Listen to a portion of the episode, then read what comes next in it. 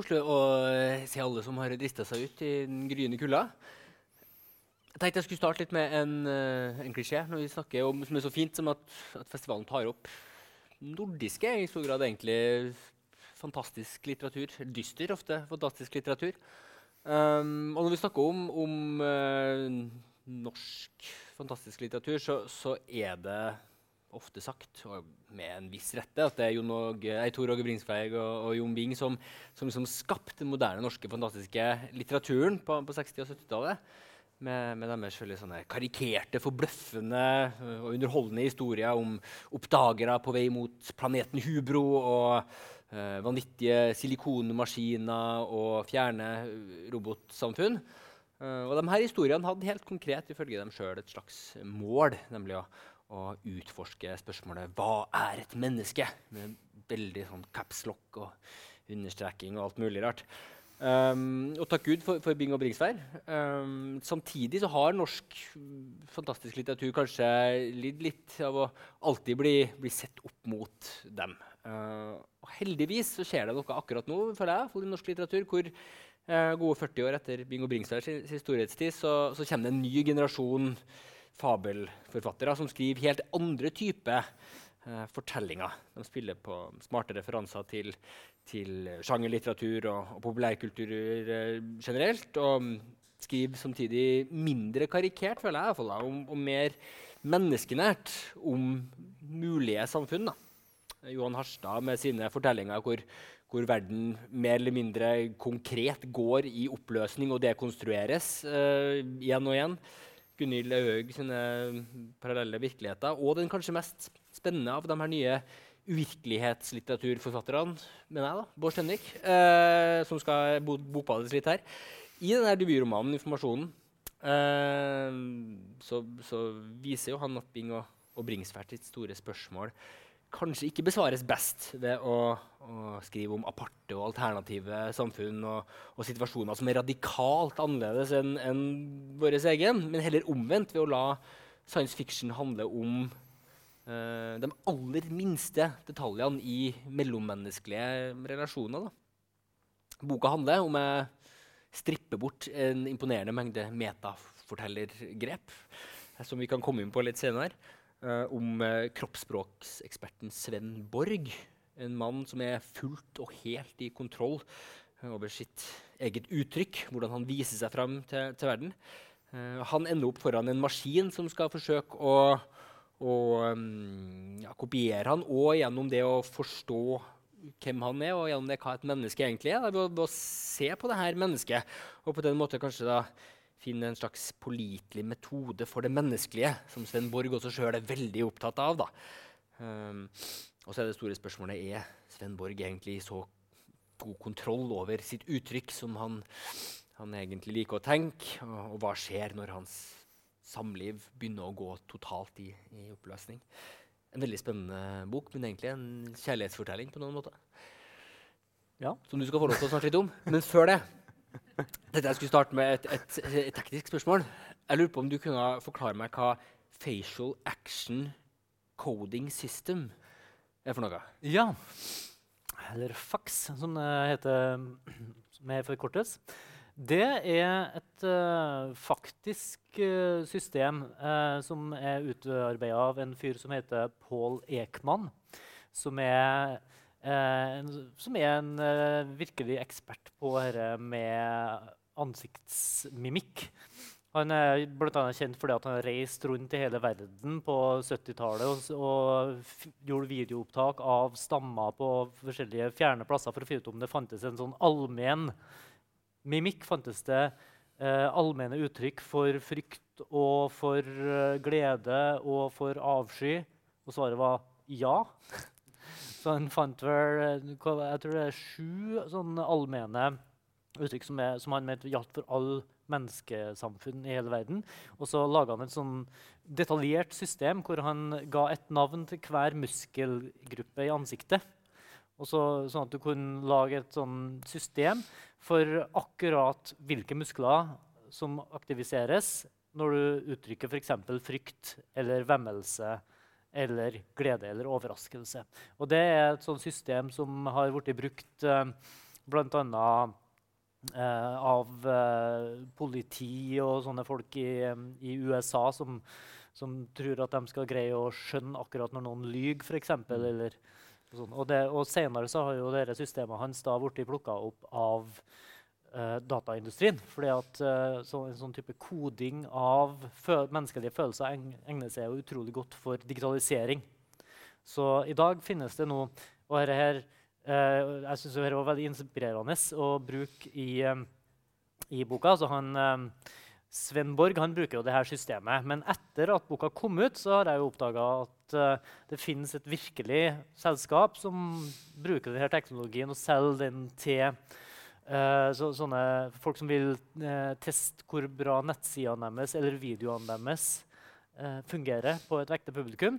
Så selger de da den tjenesten at de bruker fakssystemet. Så får de tilgang til webkameraet på um, datamaskiner til folk som ser på de reklamefilmene eller nettsidene som skal testes. Så avleser kameraet akkurat når de føler glede, når de føler vemmelse, når de føler alle følelsene som de skal føle. Og Da kan så, du kode det ut som et, en sum som er åtte på øynene, ja, null på munnen, og til sammen så blir det en ja. konstruksjon som er et nettopp. uttrykk. da. Hvert uttrykk har sin, sin kode.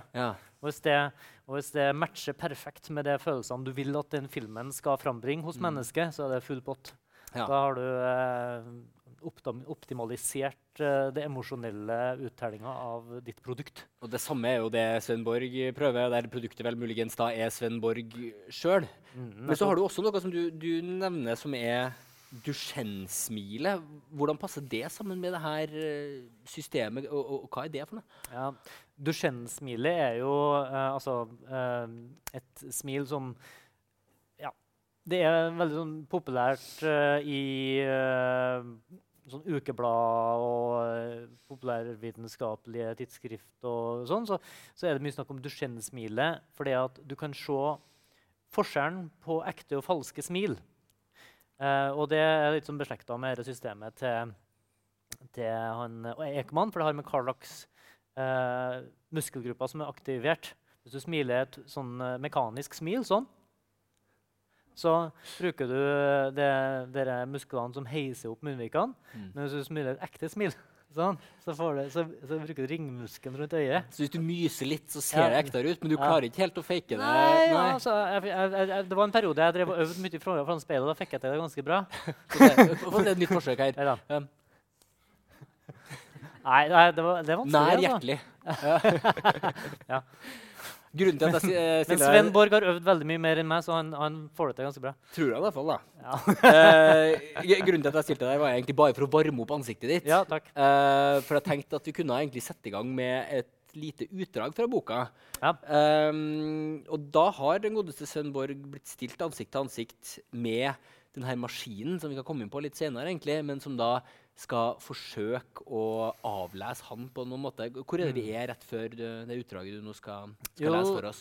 Nei, altså, Sam blir jo matcha, nei, Sven blir matcha med sin digitale tvilling Sam, som er altså et uh, digitalt program som, som, er en representasjon som ser ut akkurat som han, og som uh, etterligner hans mimikk, og som han snakker med og som, uh, som, skal lære av han om det menneskelige, og han skal lære av programmet igjen og liksom, uh, få tips om hvordan han kan bli enda mer uh, Hvordan han kan optimalisere sin karisma og sin måte å gestikulere på og kanskje sin måte å snakke på. Så etter hvert som de snakker sammen, så er det meninga at denne digitale tvillingen hans mm. skal bli mer og mer intelligent da, for et sånt program som lærer av han gjensidig, en, en slags mulig gjensidig læring og vekst, ja. eh, som vi vel kjenner igjen litt fra de teknologiene vi, vi omgir oss med, som også har en, en, mørk side.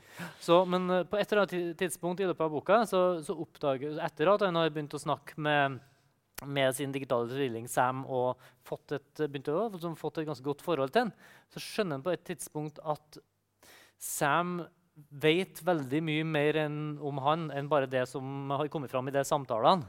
At uh, han vet noe om hva Sven gjør til alle døgnets tider, og hva han har vært på nett og søkt på de siste fem årene. Så uh, det er en sånn informasjonsulikhet uh, der. Og da blir han litt overraska og skremt av det. Og så raser han jo bort til kontoret og skrur på datamaskinen for å konfrontere Sam. da. Og da, Det er da vi skal gå inn i historien. Men jeg må reise meg litt.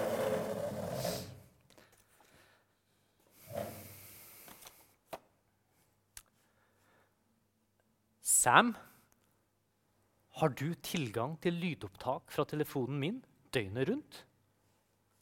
Ja. Fra hvor langt tilbake? Siden 1.6 har audiodata fra alle våre enheter inngått i arbeid for å forbedre vår presisjon innen analyse. Forstår du at noen kan oppleve det som invaderende?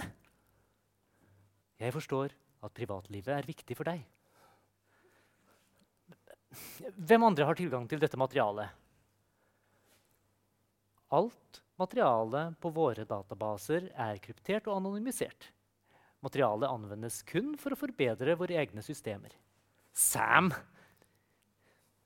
Idet jeg sa det, hørte jeg at jeg hadde hevet stemmen. Og jeg forsto hvor absurd det var å bruke dominanssignaler mot en maskin. Likevel fortsatte jeg. Du kunne i hvert fall ha sagt fra! Avtalevilkårene spesifiserer at innsamlet data fra operative enheter til enhver tid kan benyttes til analyse. Men i helvete, da! Det er jo ikke sånn folk tenker! Sams ansikt svevde et sted mellom bekymring og velvilje. Det var sånt han skulle lære.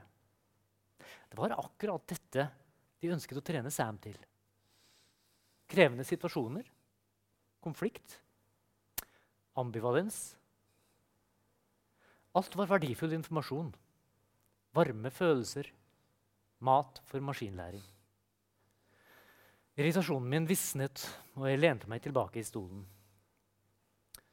OK, Sam. Jeg skjønner at dette står i kontrakten. Jeg ble bare litt overrasket. Kanskje hadde jeg en emosjonell reaksjon. Å lytte til følelsene er bra. Å lytte med følelsene er enda bedre. Følelsene er sjelens ører. Sam, hva er sjel? Sjelen er i mange trossystemer den ikke-materielle delen av mennesket. Kan, kan, du si det på en annen måte? Sjelen er den delen av oss som er innsatt av Gud. Det var voldsomt. Prøv igjen. Sjelen er summingen av alle maskinens deler. Noe annet. Sjelen er et program.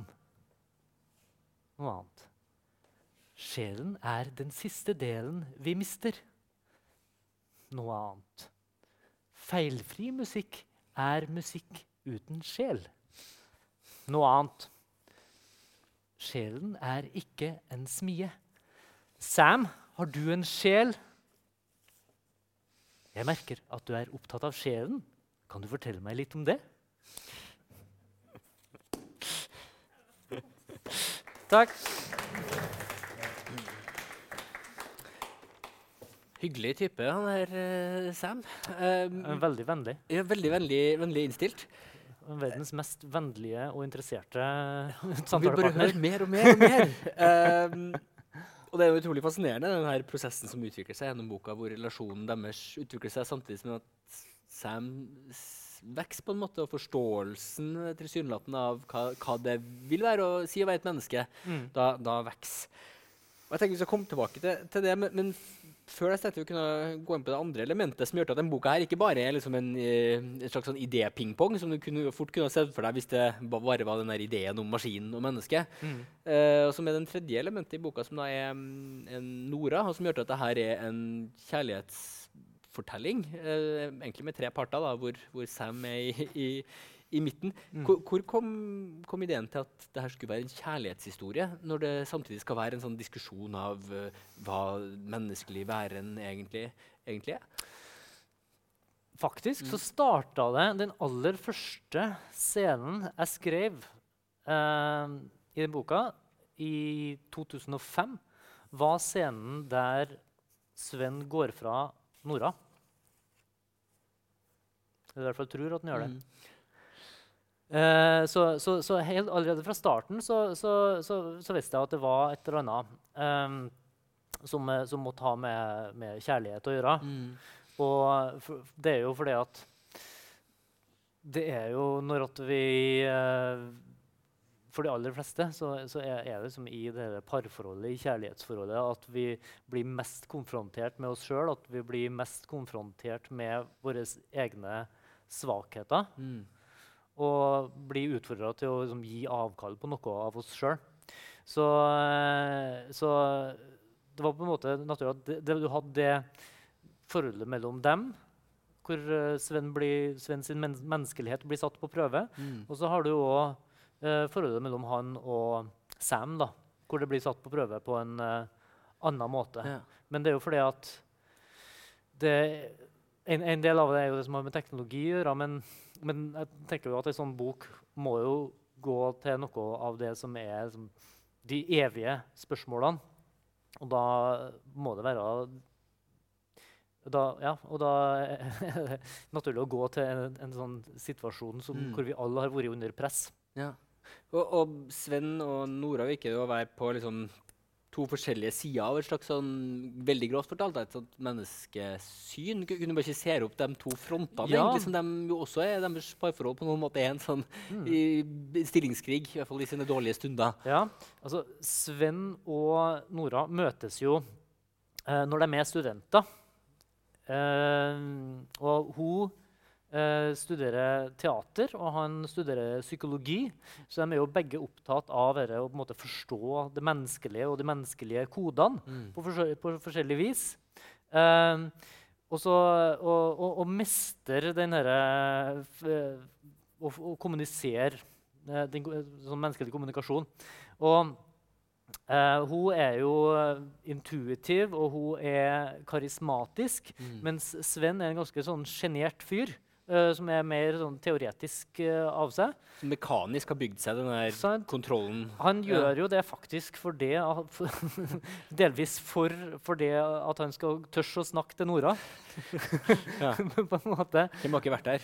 Nei, sant? Så han, eh, han, han, han skjønner at han er hemma sosialt, så han må Men han, han, er, han har et fortrinn, og det er at han er veldig metodisk og Mm. målretta. Ja. Så han uh, plukker opp uh, faksmanualen til Pål Ekman, og så Mm.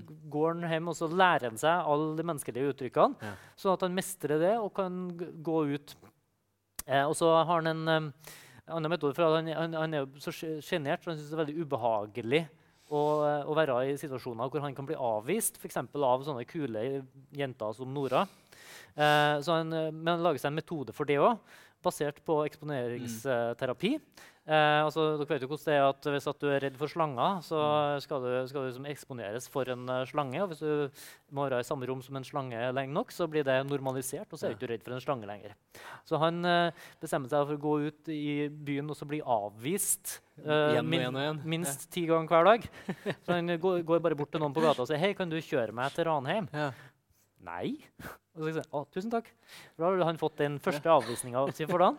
Og så kan han gå og spørre noen andre om noe annet. Og etter hvert så blir det Ja. liksom, liksom blir du immun mot det. Ja. litt sånn herlig avstumpa. Jeg hadde- har en, økonom, en kompis som er eh, førsteamanuensis i, i økonomi. Og han eh, og en kompis eh, når de var single, en gang, så var de på en roadtrip i USA. Og da hadde de et veddemål om å gi hverandre en dollar hver gang de ble avvist av Ja. ei jente. Ja. eh, og gikk igjen og igjen og igjen bort og gjorde det samme. da. Ja. Eh, fikk ingen av dem fikk napp, da, for jeg tror det var litt mekanisk, sjekkinga som skjedde også. Ja. Og det er jo det som er litt problemet med Sven også. på en måte. Er Men faktisk, etter at, nok en gang etter at jeg skrev boka, så oppdaga jeg jo at det er jo i dette uh, sjekkemiljøet, sånn Mm. sjekkekunstner, sånne folk som uh, gjør det til en vitenskap å sjekke opp damer, de gjør jo òg akkurat det samme. Ja. At de, at de skal bli liksom immun mot å bli avvist. De Mm. kaller det outcome independence. De skal bli så Ja. vant til å bli avvist at de ikke lenger bryr seg om det. Så da kan de liksom være kul uansett. Ja. Så at, de, sånn det, det betyr ikke noe for dem lenger. Mm. Men, men i hvert fall etter at han har øvd lenge nok på det her, da, så tør han faktisk å, Mm. å som snakke til Nora. Og de blir jo etter hvert uh, kjærester. Men de har uh, helt forskjellig inngang til dette. For hun mener jo at uh, hun, hun, er jo en skuespiller, og hun mener at du skal virkelig Du må virkelig føle det som karakteren din føler. Mm. Hun har ikke noe tro på det at du kan bare sette opp det rette ansiktsuttrykkene. Det må komme innafra. Det må være autentisk og ekte. Ja. Mens Mens Sven er Sven er sånn ja. ekte pekte. Ja. ja, fordi han, han sier jo eh, rett ut at altså, det er, vi kan ikke komme inn til hverandre. Altså. Øyet er bare en slags sånn et svart speil, og der stopper det, liksom. Ja. på en måte. Han, han, for han så er så det fi- finnes ikke noe ekte, men all sosialisering er et spill, og vi kan lære oss å spille det spillet.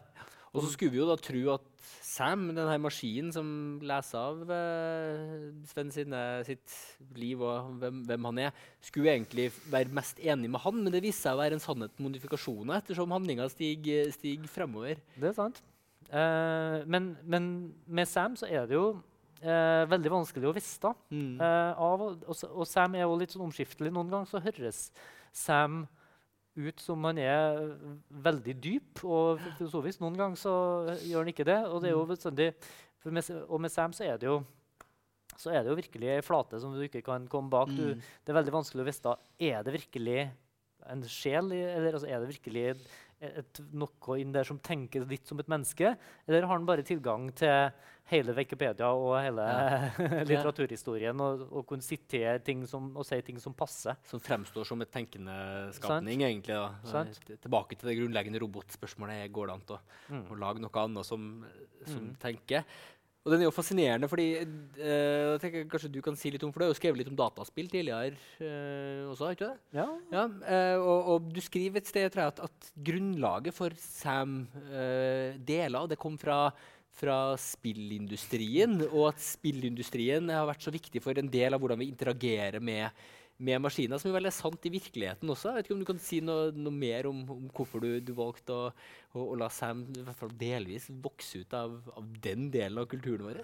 Ja, altså For å være helt ærlig så var det akkurat det var fordi jeg prata med en fyr som hadde peiling Ja. på sånne datating. Og så, og så så, Ja. han, han, og han sa at uh, han tror at det skjedde mest liksom, i spillindustrien. For tidligere så har det vært sånn at veldig mye av det som kommer uh, av sånn uh, avansert datateknologi, har kommet ut fra eh, forsvarsforskning. Eh, men fordi at der har de store pengene ligget. Men uh, rett og slett fordi at i dag så er den største populærindustrien er jo spillindustrien. Altså film og musikk og alt det her er, tilhører egentlig fortida. Mm. Mens det er dataspill som er den store uh.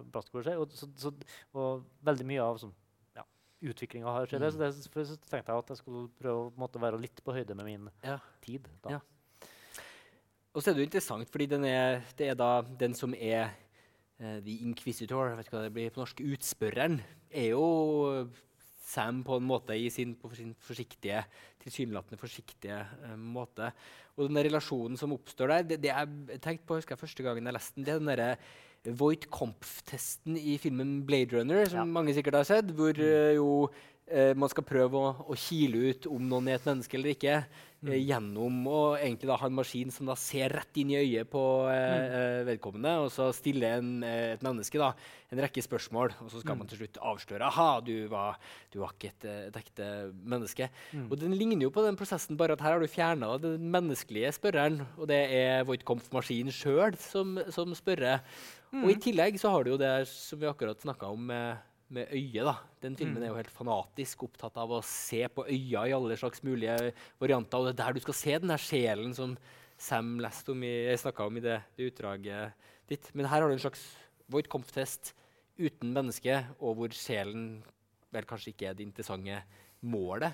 Eh, jeg vet ikke, Hvor kom inspirasjonen til akkurat den der avlesningssituasjonen fra? Hvor, hvor, der hvor Ja. eh, Sam og Sven Mm. møtes og snakker med hverandre. Ja. Det var og det, altså det er jo interessant det å se, for Den Voigt kamptesten Mm. er jo en variant av det som kalles Turing-testen. ikke sant? Som er, som er en sånn etablert innenfor sånn kunstig intelligens og robotikkmiljø. som så er tanken at du skal teste om du har greid å lage en kunstig bevissthet. Uh, det er hvis at du kan uh, ha en person som eh, som eh, ja, at, du, at, du, at, et menneske skal snakke med maskiner og ikke kunne skjønne om det er en maskin eller et menneske den snakker med. Sant? Uh, og det er jo eh, Så jeg tenker jo litt sånn en, den, den går begge veiene da, Mm. når det gjelder Sven og Sam. Uh, for av og til så kan jo de virke som nesten to maskiner som snakker med hverandre. Mm.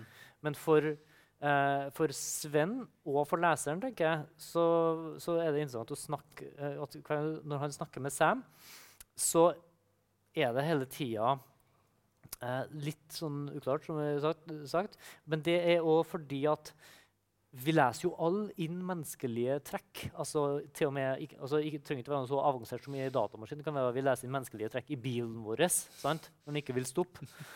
Når den ikke vil starte, mener jeg. Eh, og, og det er jo en sånn eh, eh, velkjent ting at når du får en sånn eh, eh, datastemme som, som leser opp GPS-ruta når vi skal komme oss fra plass til plass, så blir folk irritert på Mm. den. ikke sant? Eh, og det, det er også sånn kjent eksempel på at da BMW skulle legge inn en sånn datastemme i sine biler, så la de først inn en sånn kvinnestemme. Eh, men så måtte de slutte med det fordi at, eh, eh, at BMW-sjåfører eh, var veldig ofte menn som, som ble veldig irritert hvis ei dame skulle fortelle dem hva de skulle gjøre. Så de måtte bytte ut med en mannestemme. En litt underdanig mannestemme, antar jeg, da, på en måte, så de ikke føler seg trua av at det kommer en alfamann og sånn, eh, eh, bestemmer sånn hvordan de skal kjøre. sånn, ja, sånn ja, jeg, bare, jeg hadde bare en tanke om eh, hvor, hva det gikk an å kanskje kjøre Nei, OK. Ja. Ja. ja. Så er jo da mester til å tilpasse seg da, til eh, å, Mm. å, å gi den type kommunikasjon man også, også Mm. ønsker seg. Um, men for å ta det tilbake til, til Nora sitt, sitt verdenssyn igjen litt, da, som Ja. kommer fra denne teaterverdenen. Og det er også noe du har skrevet om tidligere, for du har jo skrevet en, en portrettbok hvor du portretterer skuespillere, som er også Mm. interessant når det handler sjølfremstilling. Og den, den heter jo rett og slett 'Å bli en annen', den, Mm. den boka. Så da var du jo mer eller mindre embedda uh, i, i teatermiljøet. Hvordan påvirka det deg egentlig? Nei, altså det var jo fordi at jeg, eh, jeg ble jo interessert i hun um, Nora. da, og, og Da begynte jeg å lese om forskjellige skuespillerteknikker. Uh, og eh, det syns jeg var så interessant at da fant jeg ut at jeg ville egentlig skrive bo, bar, bok bare om Så det kom ut skuespillerteknikker. derfra? Ja, det er Ja. bare en bieffekt bi, som, Ja. av researchen jeg har gjort i denne boka. her. Ja. Men, det var, men det var jo en veldig fin, eh, det, fin prosess. Altså, jeg reiste jo eh, rundt og fulgte Kristoffer Hivju, Bjørn, Bjørn Sundquist og Andal Torp og andre norske skuespillere i et år og så på hvordan de jobba. Og da skjønte jeg jo at i hver skuespillerteknikk så ligger det en slags filosofi om hva som er kjernen av det menneskelige. Eh, sånn for, for eksempel så er jo eh, det klassiske sånn Stanislavskij-metoden handler jo om at du skal eh, gå inn Og i, i den amerikanske versjonen av det så er det veldig sånn at du skal gå til en opplevelse du hadde i barndommen. Mm. Ikke sant? For det er det autentiske. Og så skal du tenke på da hunden din døde da du var sju år. eller noe sånt, altså, når du da skal være trist på scenen eller i en film. Uh, mens uh, så har du en mer sånn moderne uh, Sanford Meisner-teknikken, som er sånn at Nei, glem dere introspeksjon og, Ja. og å kjenne på følelsene. Det, det, det, det du trenger, er å finne ut hvordan du skal liksom, gå når du kommer inn på scenen. Altså, Det vil være Sven vil være nærmere den, da, sjøl, Ja, som han ikke er skuespiller i boka. Sven, Sven, han, eh, egentlig, han er en slags skuespiller, tross alt. Ja, han er en Ja. skuespiller, men han er, han er sånn Ja, OK, jeg vet at hvis jeg, jeg, vet at hvis jeg gjør sånn, så ser jeg ironisk ut. Ja. Uh, ikke sant? Mm. Eller hvis jeg gjør sånn, så ser jeg Ja. trist ut. Ikke sant? Men Mens Nora vil si jeg må, eh, det må enten må jeg komme til mine ekte, følelser, eller så må man klare å faktisk føle ja. med eh, den personen man da skal på en eller annen måte simulere. Men? For, men for, for Nora står det jo veldig mye på, på spill, da, i og med at Mm. den var så ekte. Så hun, så hun er jo litt sånn at hun føler at verden Hun får sånne perioder hvor hun føler at verden er løgnaktig. Og det kan det, er Fordi at en person som sier 'ha en fin dag' i Ja. butikken, ikke egentlig mener det. Ja. En ren løgn, altså, er mens du kjøper løgn. dopapir. Ja, sant? Så, og hun, hun får ofte denne følelsen av at folk ikke mener det de sier. Alle all, all bare spiller en rolle. Mm. Eh, og da, da blir hun rett og slett deprimert. Verden er bygd på en løgn. Nettopp. Ja. Mens eh, Sven er jo sånn Ja, men hallo, det det er vanlig høflighet. Det er til og med positivt. Han sier Det- hele sivilisasjonen er bygd på falske smil. tror jeg han sier. Ja, ja, ja. Ja. nettopp. Altså, Det er jo veldig bra at vi kan smile og være høflige til hverandre uten at vi Ja. nødvendigvis altså Til og med til dem vi egentlig ikke Mm. Men så blir jo også Nora hjulpet ut, heldigvis, av den barmhjertige teknologien som vi ligger i den lune favnen til. Ja, sant? Hvordan er det hun eh, reddes ut av, eh, av eh, den grusomme depresjonen ved hjelp av teknologien? Nei, altså det er jo øh, Og det er jo et øh, slags paradoks, da. At øh, det, er, det er en annen avdeling av det samme selskapet som lager Sam, den digitale tvillingen, lager òg et program som heter Elate, som er en slags sånn øh, og Det er vi inne på spillteknologien. og det er Mhm. sånn spillifisering. som det kalles. Altså, de har brukt spillmekanismer til å lage et program som skal hjelpe folk ut av depresjon. Og det er jo sånn at det programmet går inn og i, i en sånn eh, faustiansk byttehandel så, så, gir, så, så må da Nora når hun omsider lar seg overtale, overtale til å bli med på dette, så må hun gi programmet tilgang til alle e-postene sine og eh, netthistorikken de siste årene. Ja. Og så finner programmet alle de mønstrene som, er sånn, eh, som, som eh, gjør at hun blir deprimert. Mm. Fordi at eh, folk som blir deprimert, har et sånn mønster hvor de uh, f.eks. Hvis, de sier- hvis de ikke blir forfremma, Ja. så sier de 'Å, det er min feil'. Ja. så dårlig. Mens sunne folk eh, som ikke er deprimert, Ja. de sier ja, det var bare fordi at sjefen er en idiot. Ja. Ikke sant? Vi, Som ikke er sant, men som funker å si. som, som, som ikke er sant, men som får oss til å føle oss bedre. Mens, uh, mens de, de som blir deprimert, uh, de legger skylda på seg sjøl. Ja. Så, uh, så programmet identifiserer de mønstrene, og, så- og så lar det hun få spille ut sånne situasjoner hvor hun blir belønna for å velge de riktige strategiene. Ja. Som, eh, som, hvor hun kan plassere skylda for, for verdens problemer andre plasser enn seg sjøl, og bli lykkeligere. Da får hun, men da får hun, det er en slags kognitiv terapi hvor hun da også får litt sånn uh, pavlovske bjeller eh, som gjør henne Ja, ja, sant, for da, det er sånn, også at når du spiller ja. de spillene, så får du sånn ling-ling, og poengsummen går opp. opp. den og- gode følelsen i kroppen når plinget kommer. Ja. Ja. Ja. Eh, så de står jo egentlig på hver side, begge de her to da, i det her forholdet som sakte, men sikkert eller uh, på, uh, faller fra hverandre. Står egentlig da og betror seg eh, til forskjellige maskiner, som muligens egentlig er den samme, samme maskinen. da. Ja, det er jo noe, for det, at det viser seg jo etter hvert at eh, ja, som, som vi skjønte, så har jo Sam og, og iMentor og Ela- Elate og alle disse teknologiene snakker sammen.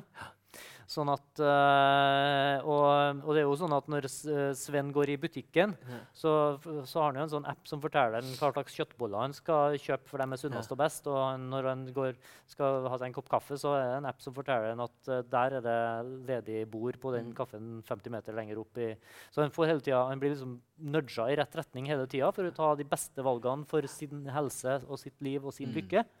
Men så viser det seg jo etter hvert at han, den, det virker som den nudger han litt så, i sånne, mot situasjoner som han syns er ubehagelige òg. Mm. Eksempel prøver han å unngå Nora etter at han har gjort det slutt med. Men så hele tida så plutselig så, han, så blir han liksom nudga mot henne. Og plutselig, eh, selv om han har blokkert henne på telefonen, så kommer meldingene hennes gjennom likevel. Ja. Så det er noen som av en eller annen grunn har lyst til at han skal bli konfrontert med Nora. Ja, Noen som har, akkurat som har lyst til å se han miste det litt. Ja, noen som har Ja. lyst til at han skal bli emosjonelt opprørt. Hvem kunne det være? Kan det være Ja. noen som har som jobbbeskrivelse å lære om menneskelige følelser? Ikke sant? Eh, Og det er jo her det er den verden som på noen måter ligner så mye på vår, glir over til å bli en eh, I hvert fall ha tydelige innslag av det dystopiske i, i seg. Og det lurer jeg liksom på Når du konstruerte det her, er det eh, liksom en sånn, et narrativ mekanisme for å kunne skrive om det her kjærlighetsforholdet og beskrive hva et menneske er? Det er derfor du har valgt å plassere denne teknologien inn i historien, eller er det en reell bekymring for akkurat denne her type teknologier som vi jo ser spiren til rundt oss? hvis du forstår hva jeg mener? Er det et grep for å få til å fortelle en historie, eller er det sånn ren, eh, genuin samfunnsbekymring for denne type teknologi? Uh, tror det er Tror det er hert om hert, jeg. Ja. Uh, jeg trodde jeg skulle få deg til å svare en av dem to. Nei, altså, det, for, altså, det er jo uh, Som vi snakka om um, Starta vi på et eller annet vis med å snakke om et eller annet med det menneskelige og sånn. Ja. og for å få fram det menneskelige i en sånn figur som f.eks. Uh, Sven, mm. så må han jo bli satt under press. da. Mm. Uh, og da må, må, må skrive fram uh, uh, situasjoner hvor noe står på spill, og, det, og så viser det seg de valgene han tar, er jo da på en måte det som definerer det menneskelige mm. eh, for han. Eh, og tilfeldigvis så er jo da min rolle mm. som forfatter å plassere han i ubehagelige situasjoner akkurat samme som det viser seg da Sam sin rolle er, å plassere han i ubehagelige situasjoner. Ja. Så um, det, det oppdaga jeg plutselig at det var en litt sånn ubehagelig fordobling der. At jeg eh, på, på, en måte eh, som forfatter hadde mer til felles med Sam enn noen andre. Vår Sendvik står her og manipulerer inn de her stakkars menneskene i uh, de her uh, situasjonene som avslører hva mennesker egentlig, egentlig er. Men det, men det, som var enda mer ubehagelig, som jeg oppdaga, er at den som virkelig passer til den jobbeskrivelsen der, ja. er jo um, den herre instansen som, uh, er, som vi sjøl ofte er innafor, hvor vi blir um, uh, oppfordra til å like ting. Mm. Det, vi blir oppfordra til å like ting, men vi blir enda mer oppfordra til å hjerte ting. Mm. Eller ting eller sint-ting. Ja. ikke sant? Så, så eh, det, det, artige er jo at den herre um, datateknologien som vi har tenkt på som på, på, på en måte litt sånn rasjonelt mm. og nøytralt, og nulla og etta, mm. ikke sant? Um, den har jo virkelig lært seg å sette pris på menneskelige følelser, på samme måte som Sam gjør i boka. Uh, når vi er på, um, på Facebook, så er det er det jo de Facebook-oppdateringene som skaper mest emosjonelt engasjement, mm. som vi får vist fram. Uh, det er dem som vinner, ikke sånne, for sånne noen, Hvis noen har en rasjonell gjennomgang ja. av dagens nyhetsbilde i feeden sin, ja, det er det ingen som, uh, som, som uh, putter inn emojis på, og det kommer heller ikke opp. sant? Så, så, så vi så Facebook vil at vi skal leve livet vårt som komedie eller tragedie. ikke sant? Ja. Det er um, følelsene som ruler. Og det samme på YouTube. Altså, det, der feedes vi med eh, mer eller mindre sånn emosjonelle kattevideoer som skal få oss til å flire. Mm. sant? Eller sjokkerende videoer mm. som skal skal få oss til å bli opprørt. For det er det som gjør at vi blir sittende der og se på reklamene. Ja, fordi de her og nullene, og det skjer jo også helt konkret i, i, boka, viser seg jo når de skal prøve å simulere det menneskelige, så blir de mer og mer opptatt av fortelling. da. Og ikke nødvendigvis eh, de her eh, summene i ansiktsuttrykket. Uh, I hvert fall ikke bare dem, men ideen om fortelling. da. Mm. Hvordan tenkte du å, vise frem det i, i boka? Den fortellingsfascinasjonen som programmet etter hvert uttrykker ganske tydelig? Nei, det er jo for, Sven er jo en fyr som er veldig skeptisk til fortelling. For fortelling er jo løgn. Uh, det er jo bare sånn, uh, Egentlig så består verden bare av alt mulig ting som skjer etter hverandre. Mm. Men så lager vi fortellinger for å uh, lage sammenheng og logikk i det så godt vi kan. men, men så, så, viser det seg jo at ja, Jeg skal ikke avsløre for mye, da, men det viser seg jo at fortelling fungerer veldig bra for å for, for, for, å, for, å, lage en slags Fortelling er det som gir oss ideen om et jeg. da. Og du kan si at jeget òg er en konstruksjon, men det er en, eh, det er en ting som skaper bevissthet. Og hvis mm. du noen gang skal lage en kunstig intelligens Her er det jo uh, sånne smarte forskere som uh, har sagt mye om. Men altså, hvis du skal lage en kunstig bevissthet som faktisk har noe i nærheten av en sånn slags type bevissthet som vi har, så må den ha et slags sånn eh, jeg, en sånn uh, sjølrefleksjon. Mm.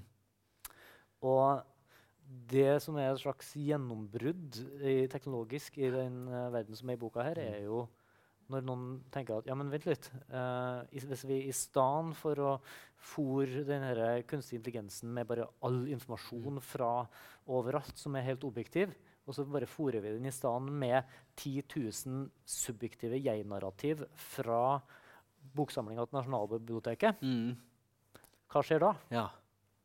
Det er derfor da, selve, Hele boka starter jo da med uh, hva det står Narrativ kompilasjon, Sven Borg, nummer 9, 218 927. Så uh, man kan vel da lese ut av det at uh, det vi egentlig leser, er et slags materiale i utviklinga av, uh, av, et noe som er, kan ligne oss, men er, er digitalt. da.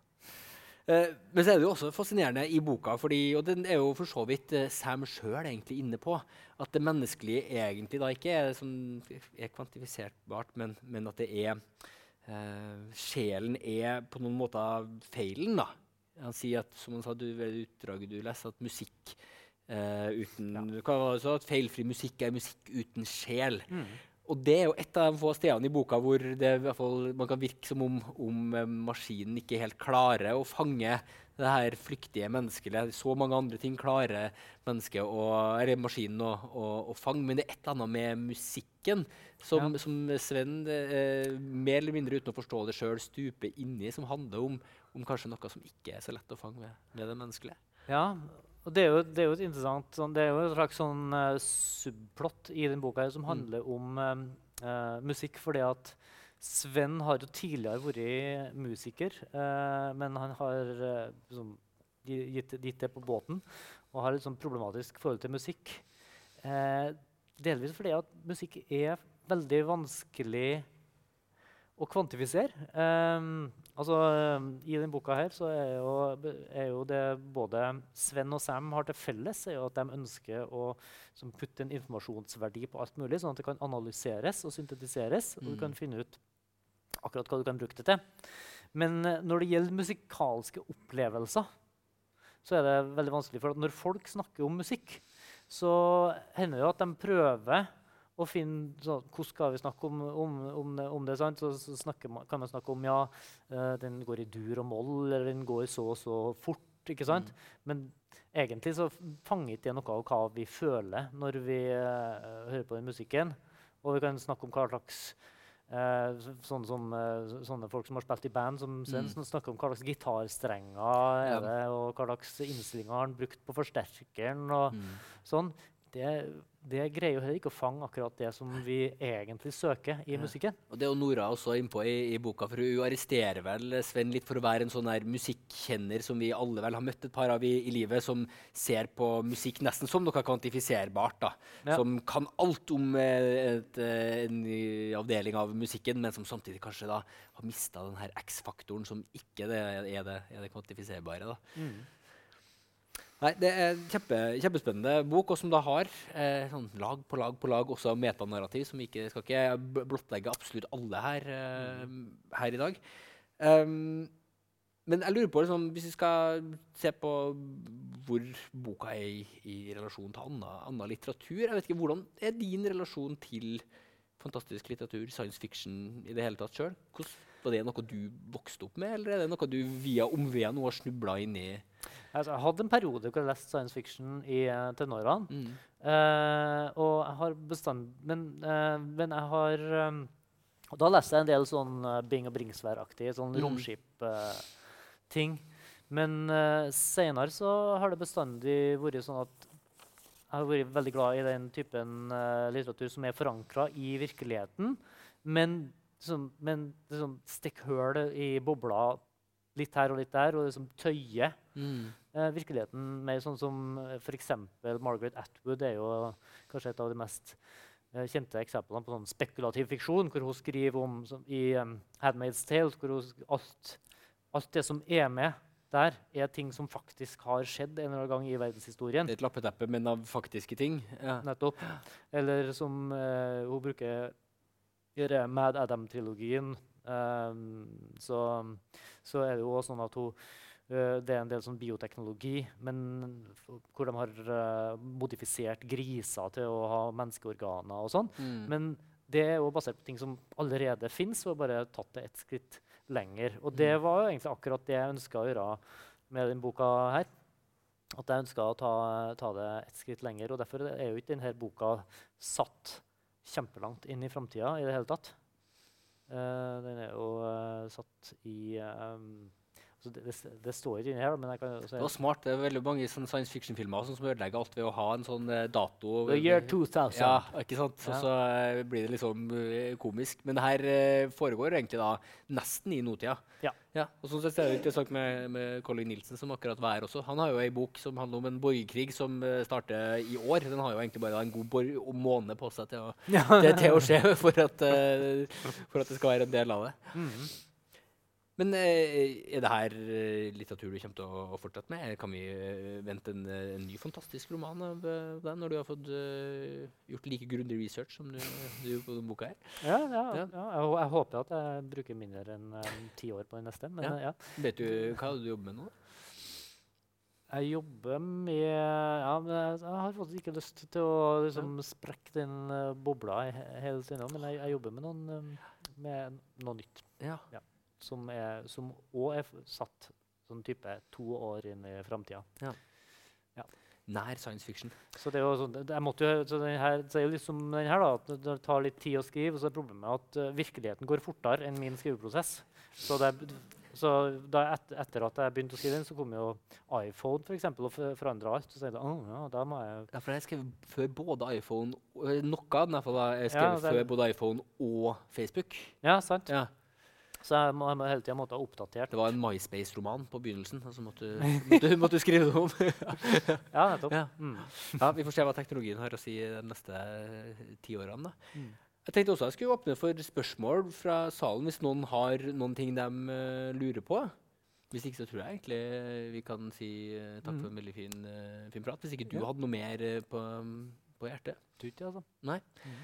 Og så kan du si at I morgen så skal du og jeg og flere sitte rundt bordet her og fortsette egentlig diskusjonen som vi har starta nå, som handler om, egentlig om dystopia, og hvorvidt uh, det du egentlig da skriver, eh, eller har skrevet, hvorvidt det er en dystopi eller ikke. Mm. Et interessant spørsmål da. Men en samtale om litterære dystopier og litteratur som tar for seg det som skjer når vi lever i grusomme samfunn.